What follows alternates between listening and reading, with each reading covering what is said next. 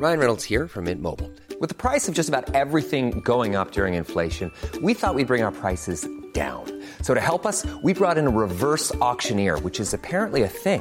Mint Mobile unlimited premium wireless. Ready to get 30, 30, bit to get 30, bit to get 20, 20, 20, bit to get 20, 20, bit to get 15, 15, 15, 15 just 15 bucks a month. So, Give it a try at mintmobile.com slash switch. $45 upfront for three months plus taxes and fees. Promo for new customers for limited time. Unlimited more than 40 gigabytes per month. Slows. Full terms at mintmobile.com.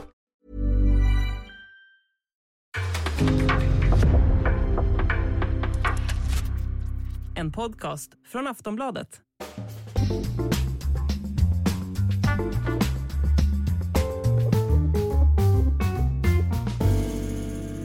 Sportbladets VM-podd hälsar välkomna. Patrik Syk heter jag och med mig har jag såklart då Makoto Asahara. Det är vi som rattar det här VMet i poddväg för Sportbladet den här vintern och jävla vinter som om, eh, som om det hela inte vore absurt nog så eh, tvingas vi spela in det här hemifrån för att jag är insnöad med, eh, med en gran liggande tvärs över garageuppfarten och eh, stängd skola på grund av snöstorm. Eh, Du var ute med sågen hörde jag. Ja, för jag var ute med sågen klockan 06.30 i morse för att eh, få bort det här trädet, vilket jag till slut fick då. Eh, sen var ju skolan ändå inställd, så att eh, ja, det är bara det är bara bita ihop. Så det här första eh, VM-poddavsnittet, när vi nu är igång med mästerskapet, det kommer helt enkelt eh, få spelas in härifrån hemmakontoret. Eh, inte mycket att göra åt. Vi ska prata såklart om det som har hänt så här långt, om invigningen, om eh, den första matchen, herregud, eh, vilken shitshow på många sätt. eh, vi ska slå en signal till Erik Niva lite, om en liten stund här för att få en direktrapport, få hans intryck av de första dygnen i Doha och det här premiärsöndagen med eh, Qatar mot Ecuador. Eh, vi kan väl börja där, eh, Makoto. Jag har en fråga till dig. Ja. Hur dåliga är resten av de asiatiska lagen? Om nu det här Qatar går och vinner de asiatiska mästerskapen. Har inte jag sagt det här förut att det asiatiska kvalet är det absolut lättaste kvalet att ta sig igenom och att det är fascinerande hur Japan kan ha sett så dåliga ut och ändå ta sig till det här mästerskapet som de gjorde under det här kvalet. Finns en anledning till att jag har väldigt lite tilltro till, eh, till dem i det här mästerskapet men det man snarare ska fråga sig själva är ju pikade Qatar för tidigt?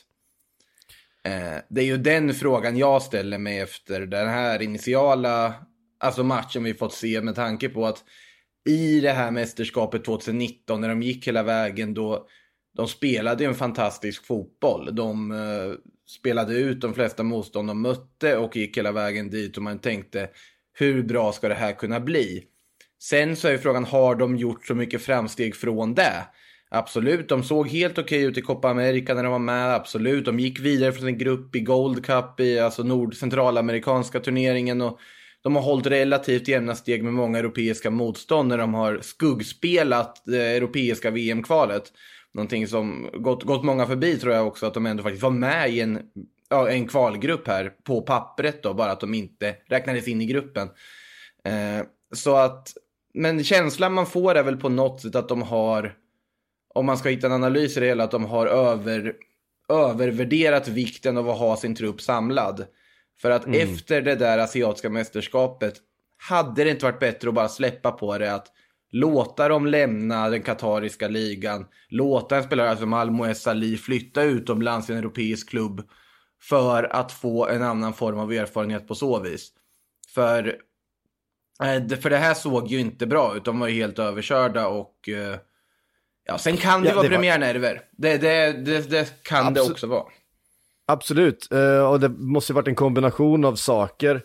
Eh, Men det var ju som att det var, det var ju som att de aldrig hade spelat fotboll förut, en del av dem. Det, eh, enkla saker, även när, eh, när Ecuador, som inte heller gör någon perfekt match, det var ju väldigt låg kvalitet eh, generellt sett, det var lågt tempo. Uh, och när Qatar då och då liksom skänktes en uh, möjlighet att gå framåt, skänktes en yta att transportera boll på eller slå en passning på, så misslyckades man ju i nio av tio fall med den ganska enkla uppgiften att uh, slå den där passningen för att få till ett anfall, för att ehm, behålla bollen inom laget eh, några sekunder extra.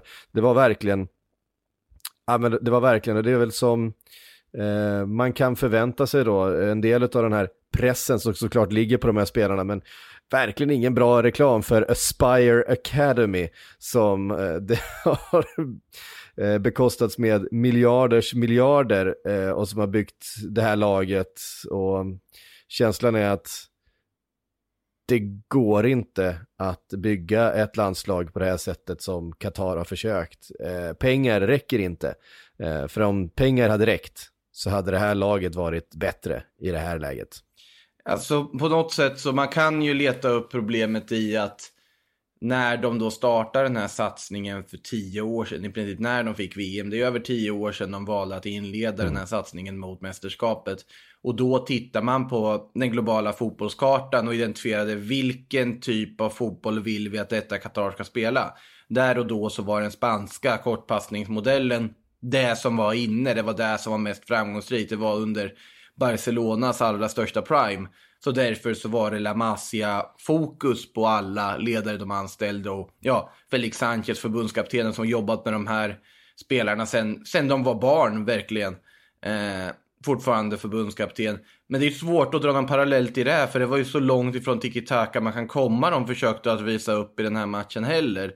Med fem, femmanna försvar och noll intentioner till anfall eller kombinationsspel. Så att framförallt inget, inget fungerande passningsspel överhuvudtaget. Tiki-taka förutsätter ju ändå att du kan slå en femmeterspassning med, med hyfsad ackuratess. Och det har de eh. kunnat förut, det katariska landslaget. Så att det, därför får jag ändå känslan av att det finns väldigt mycket premiärnerv involverat. Och även också till stor del involverat att de möter ett otroligt organiserat, välfungerande Ecuador som förtjänar alla former av hyllningar för deras premiärinsats. Ja, och den här matchen då såklart föranleddes av en invigning. Det kändes också eh, apart eh, att ha en invigning på det här sättet till ett VM.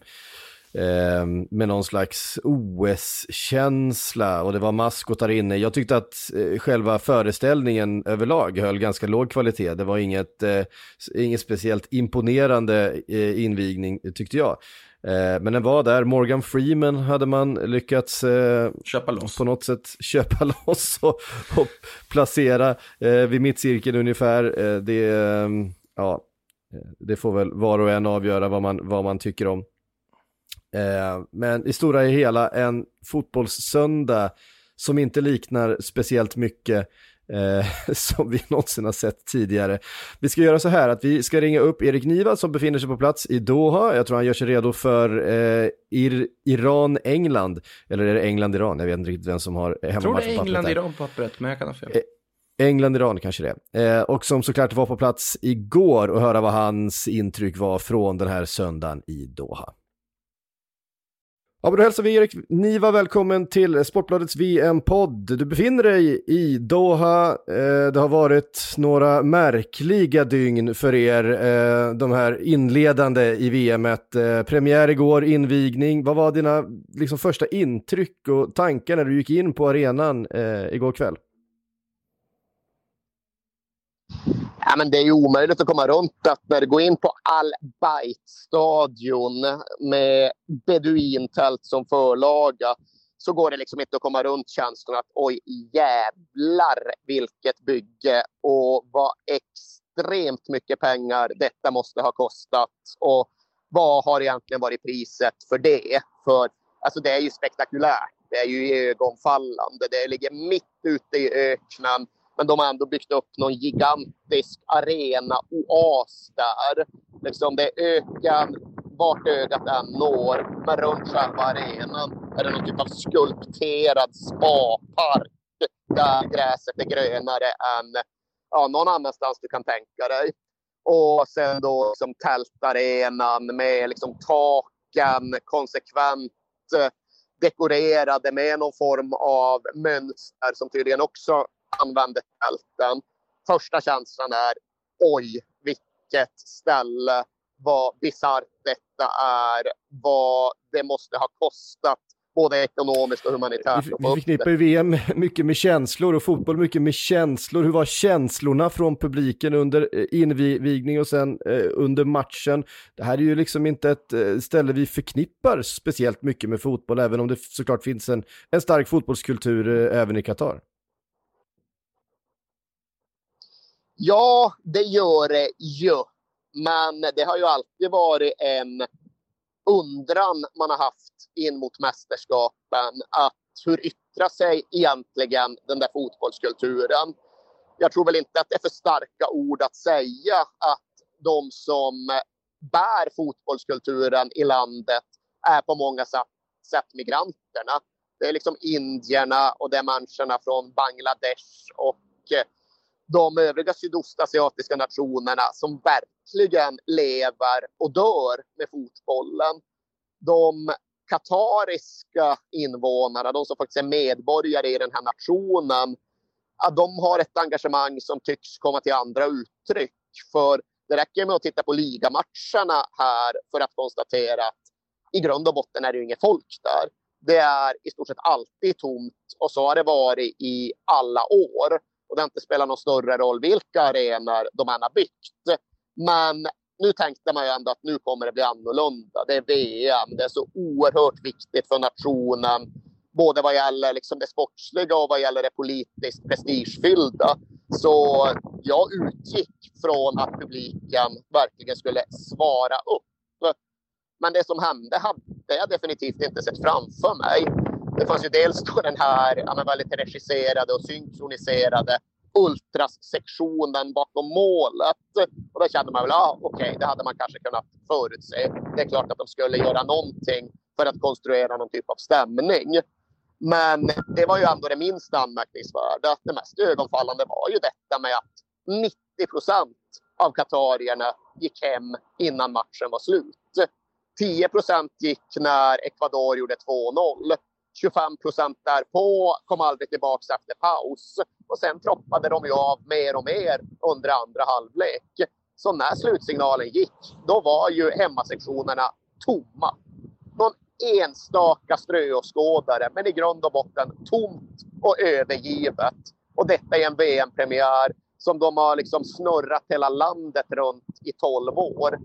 Det trodde jag inte. Jag kunde inte förutse att engagemanget skulle vara så lågt. För det var häpnadsväckande.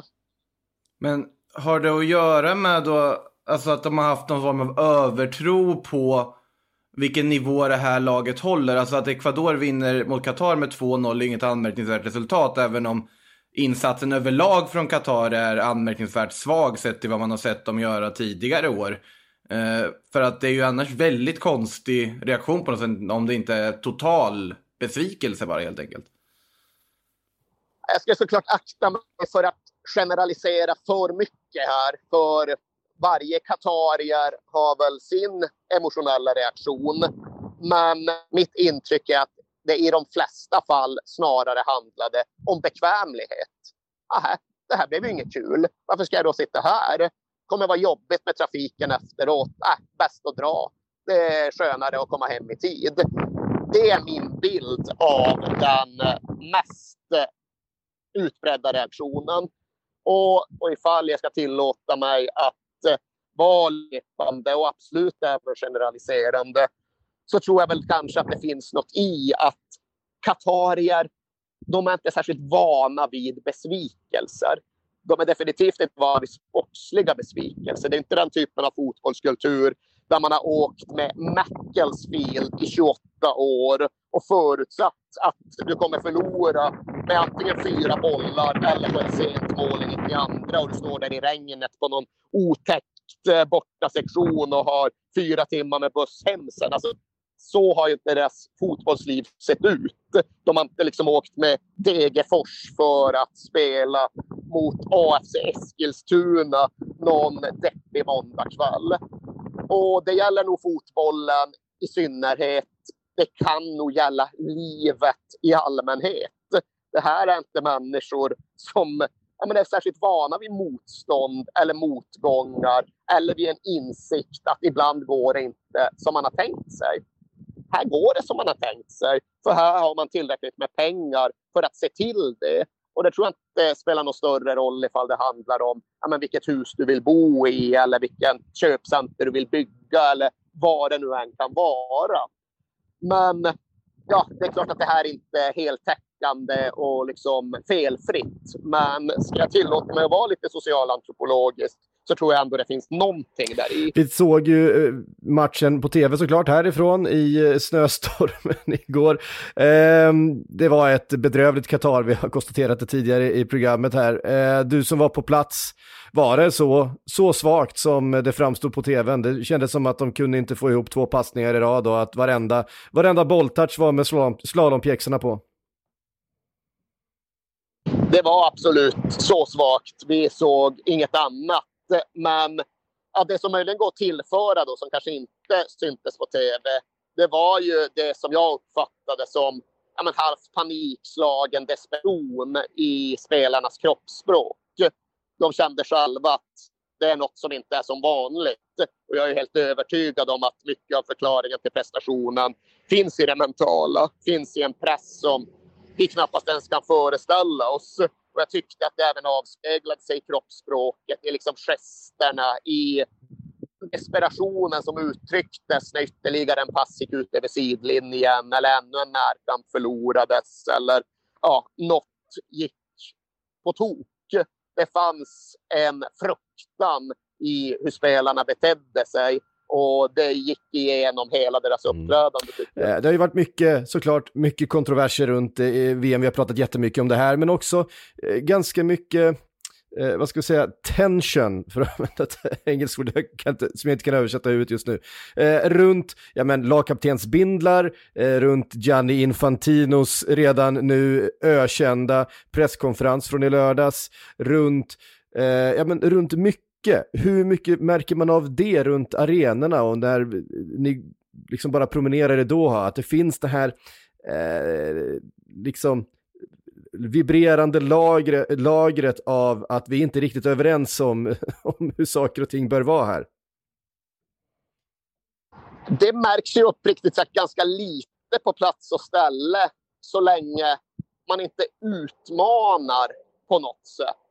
Och det är bara att erkänna att det har inte jag gjort hittills. Jag har liksom inte utmanat styret rent fysiskt. Jag har inte försökt ta mig in på platser där jag inte ska vara. Jag har liksom inte försökt avtäcka någon förtryckt migrantarbetares vardagsvillkor.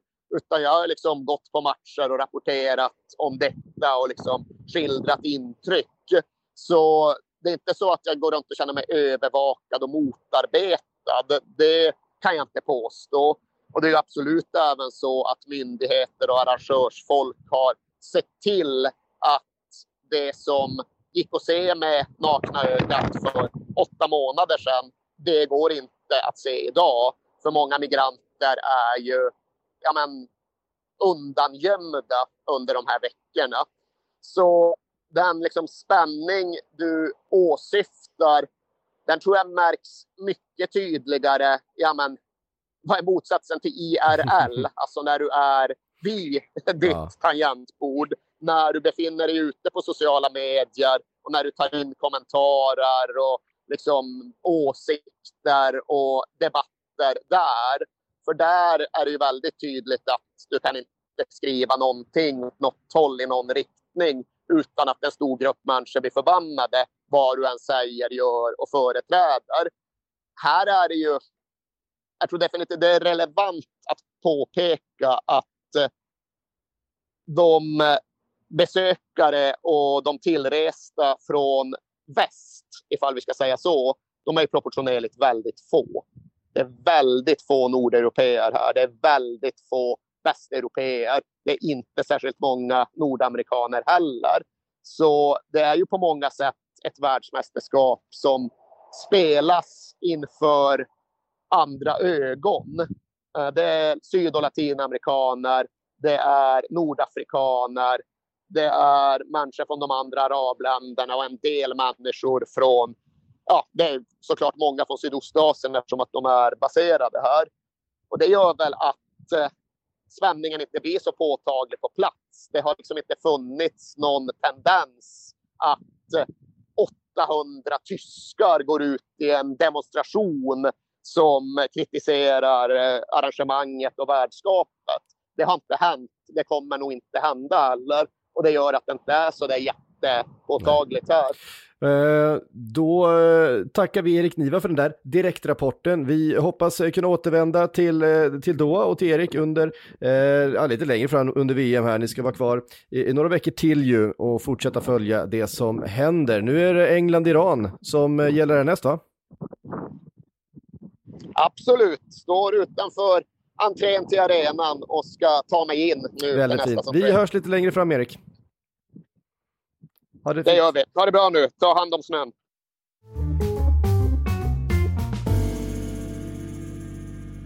Sportbladets VM-podd är sponsrat ut av Hyper.com och i vanlig ordning då som ni har eh, vant er vid vid det här laget så har vi med Steven Lee Holmdahl för att eh, leverera några sköna tips. Blev du, eh, blev du chockad över VM-premiären här? Chockad vet jag. Jag blev nästan chockad över hur dåliga Qatar var. Det var väl mest det. Och så fick de Ecuador att se ut som eh, Brasilien ungefär. Men eh, ja, lite småkonstig Ja, det, det var det faktiskt. Eh, jag vet att du har kikat ja. lite framåt här mot eh, tisdagen och onsdagen och hittat några sköna spel på hyper.com. Ja, nu kan jag ha blandat ihop det, men jag tror att det är 18 matchen där, Mexiko-Polen. Eh, som jag tycker. Jag såg mycket av Mexiko i deras kvalgrupp där de slutade efter Kanada. Men det var inte riktigt i brist på försök och så, utan de tog ju avslut från alla möjliga håll och kanter, men de hade väldigt svårt att göra mål. Eh, och det är väl det som är liksom det stora orosmolnet för Mexiko nu när de inte har någon Raúl Jiménez heller. Utan hur ska de göra mål? Vem ska de göra mål? Det är väl lite det man undrar. Men Eh, ska de då lyckas göra mål så tror jag väl att Polen är en ganska bra motståndare om man tittar på försvarslinjen i Polen. Där. De har Bednarek som inte kan ta plats i Aston Villa. De har Kamil Glick som var bra för ungefär tio år sedan som liksom är rätt risig i Serie B. Och så har de Kivior som eh, eh spelar i Spezia i Serie A där som har släppt in 26 mål. Så att det är inga, det är inga monsterbackar de stöter på där i Mexiko. Det finns ändå kvalitet. De brukar kunna skapa chanser. Eh, och Polen framåt vet vi vad de kan med Zielinski och Lewandowski och sådär. Så att, eh, jag har gått in på båda lagen gör mål till 2-10 gånger pengarna som jag tycker känns väldigt intressant. Sen har jag också flyttat över till Frankrike, eller eh, Australien där det blir ja, man tror väl att det ska bli lite så slarvsylt av alltihopa. Att det, Australien är nog ungefär lika dåliga som Qatar skulle jag kunna tänka mig. Eh, men lite bättre organisation tror jag ändå på. Eh, och så lär de väl parkera alla spelare på egen planhalva och det kanske tar lite tid för Frankrike att hitta rytmen och sådär. Um, och de brukar inte heller strössla in mål i första halvlek, Frankrike. Så jag har gått in på att det ska stå oavgjort i halvtid och att Frankrike sen vinner matchen så får vi 3,90 gånger pengarna på det. Det blir jättefint och de här spelen hittar ni såklart då på hyper.com. Eh, och kom ihåg att du måste vara 18 år för att spela och är det så att du eller någon du känner spelar lite för mycket så gå in och läs mer om eh, spel och spelmissbruk på stödlinjen.se.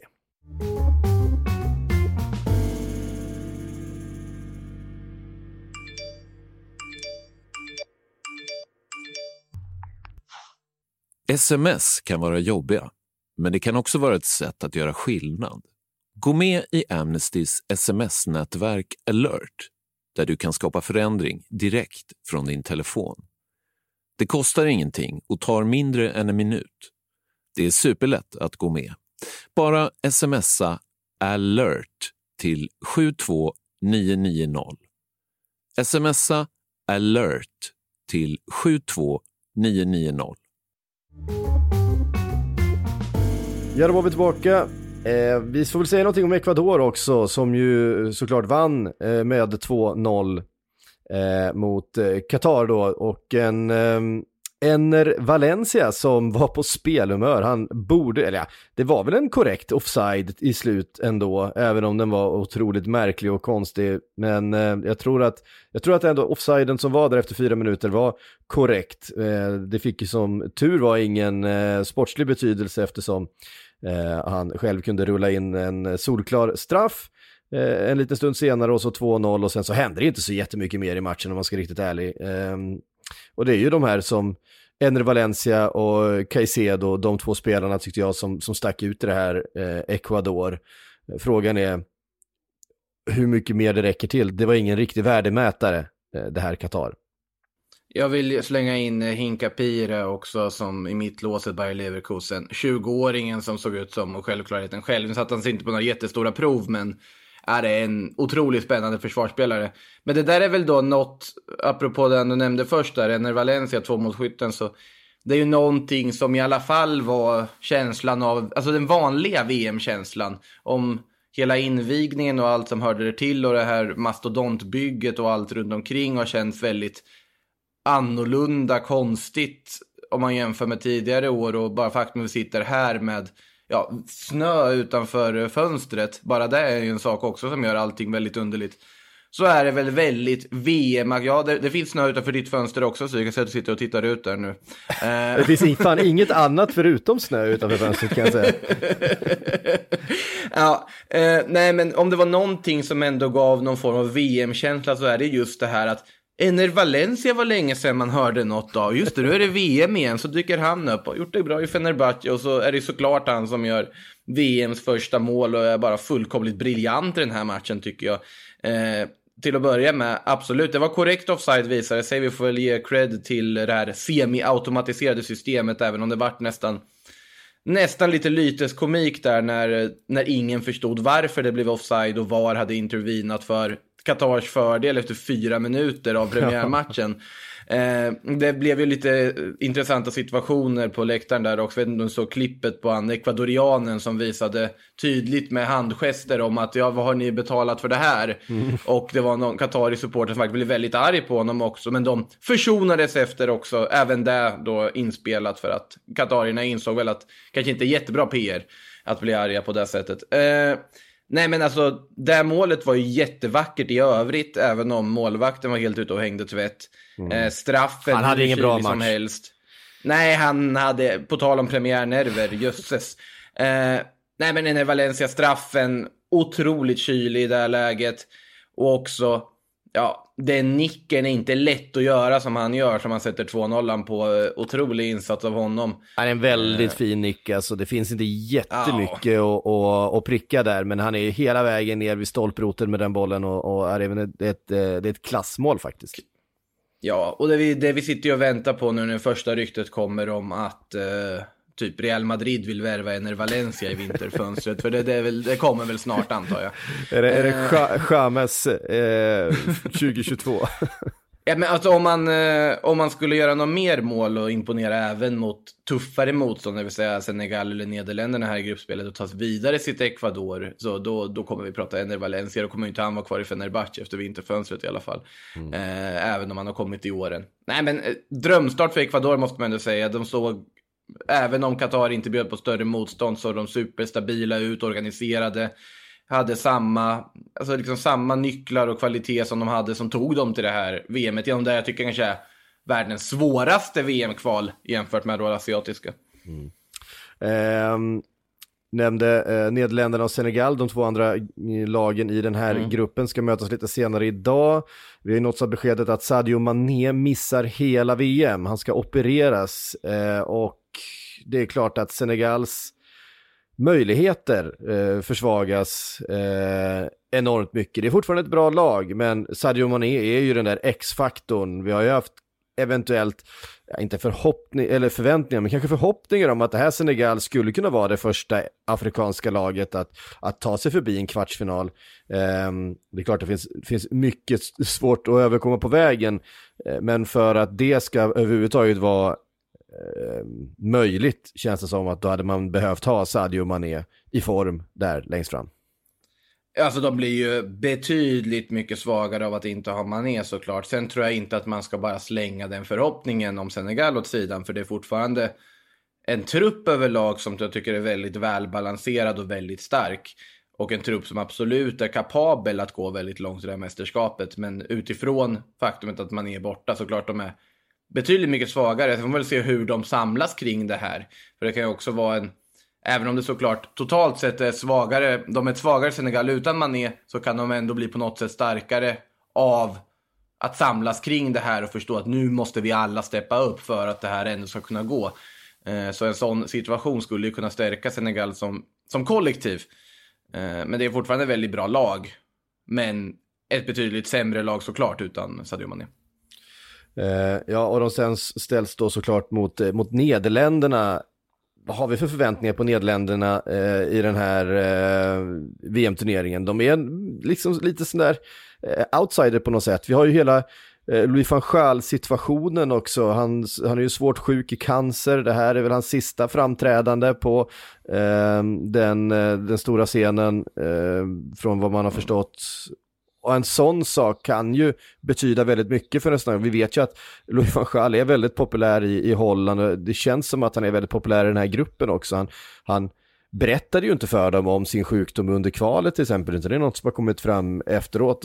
Man har ju känslan att det skulle kunna knyta ihop det här laget till att eh, göra något och en, en framgång för van Gaal och framgång för det här Nederländerna skulle ju vara en helt eh, fantastisk historia. Ja, så är det ju. De har ett bra, en bra trupp också. Det kanske inte är de allra största stjärnorna. Ja, de har Virgil van Dijk och Frenkie de Jong. Det är inga små, små spelare direkt som de har tillgängliga heller.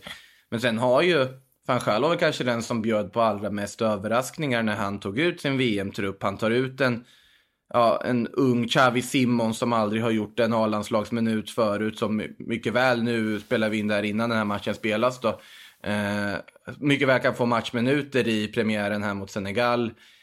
Det är ganska många andra delar i den här truppen. Man är lite överraskad över hur han har resonerat. Eh, och det ska bli väldigt spännande att se vad han ställer upp med för lag. Hur kommer en spelare som Cody Gakpo till exempel som varit fullkomligt briljant i PSV att svara nu när alla toppklubbars ögon är riktade mot honom i det här världsmästerskapet. Eh, med tanke på att alla toppklubbar i världen är intresserade av honom med tanke på vad han har gjort i Eredivisie. Det, det finns mycket material som, som är bra och det finns många goda möjligheter för Nederländerna att gå långt. Slutspelsträdsmässigt ligger de också ganska bra till för att få överkomliga lottningar hela vägen egentligen till en semifinal. Eh, beroende på hur andra grupper slutar och så vidare också såklart. Men eh, nej, jag ser goda möjligheter för Nederländerna. Nu verkar de väl vara utan Memphis Depay här eh, inledningsvis. Så vi får se, se hur de hanterar den avsaknaden dock. Mm. Eh, och så såklart så ska ju Grupp B kliva in i handlingen här under dagen idag. Jag vet när ni lyssnar så har ni kanske redan eh, fått med resultatet. Vi publicerar väl eh, ganska strax innan matchstart här för eh, England-Iran, men det är ändå såklart en eh, stor nyhet, en stor händelse när ett engelskt landslag kliver in i ett världsmästerskap. Vi eh, vi vet väl inte riktigt vad vi ska förvänta oss utav det här laget just nu. Eh, mycket hänger på Jude Bellingham känns det som. Ja, Harry Kane hänger mycket på skulle jag säga att det här eh, det här det är ju den som är självklara ledaren i anfallet. Det är han som ska göra målen oavsett lite vilka som är runt omkring honom. Eh, i, det här ska ju vara en match där England dominerar en match mot, mot Iran. Nu ska det bli väldigt spännande också att se hur Iran svarar på, det, på liksom den här premiären med tanke på den situation som råder i landet just nu. Eh, ingen lätt match för Iran att gå in till med tanke på just ja, splittringarna som finns.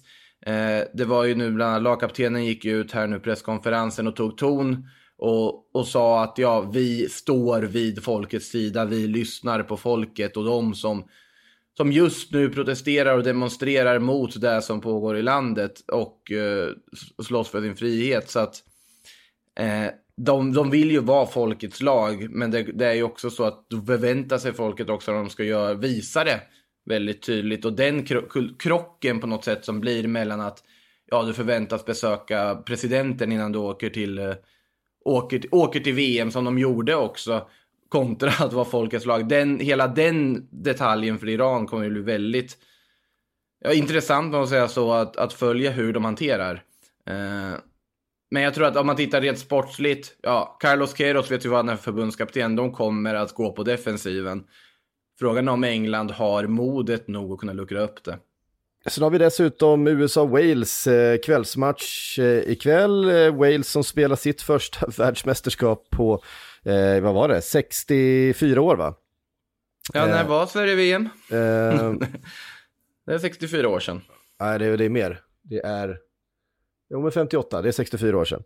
Eh, så att eh, det är såklart en, en enorm sak i, i Wales, men de ställs mot ett USA som jag tycker ändå Eh, ser spännande ut. Det finns mycket eh, ung, eh, frejdig kvalitet i USA som eh, jag tror kan överraska på en del. Det jag ser mest fram emot i den matchen är ju stjärnkampen mellan eh, LeBron och Bale.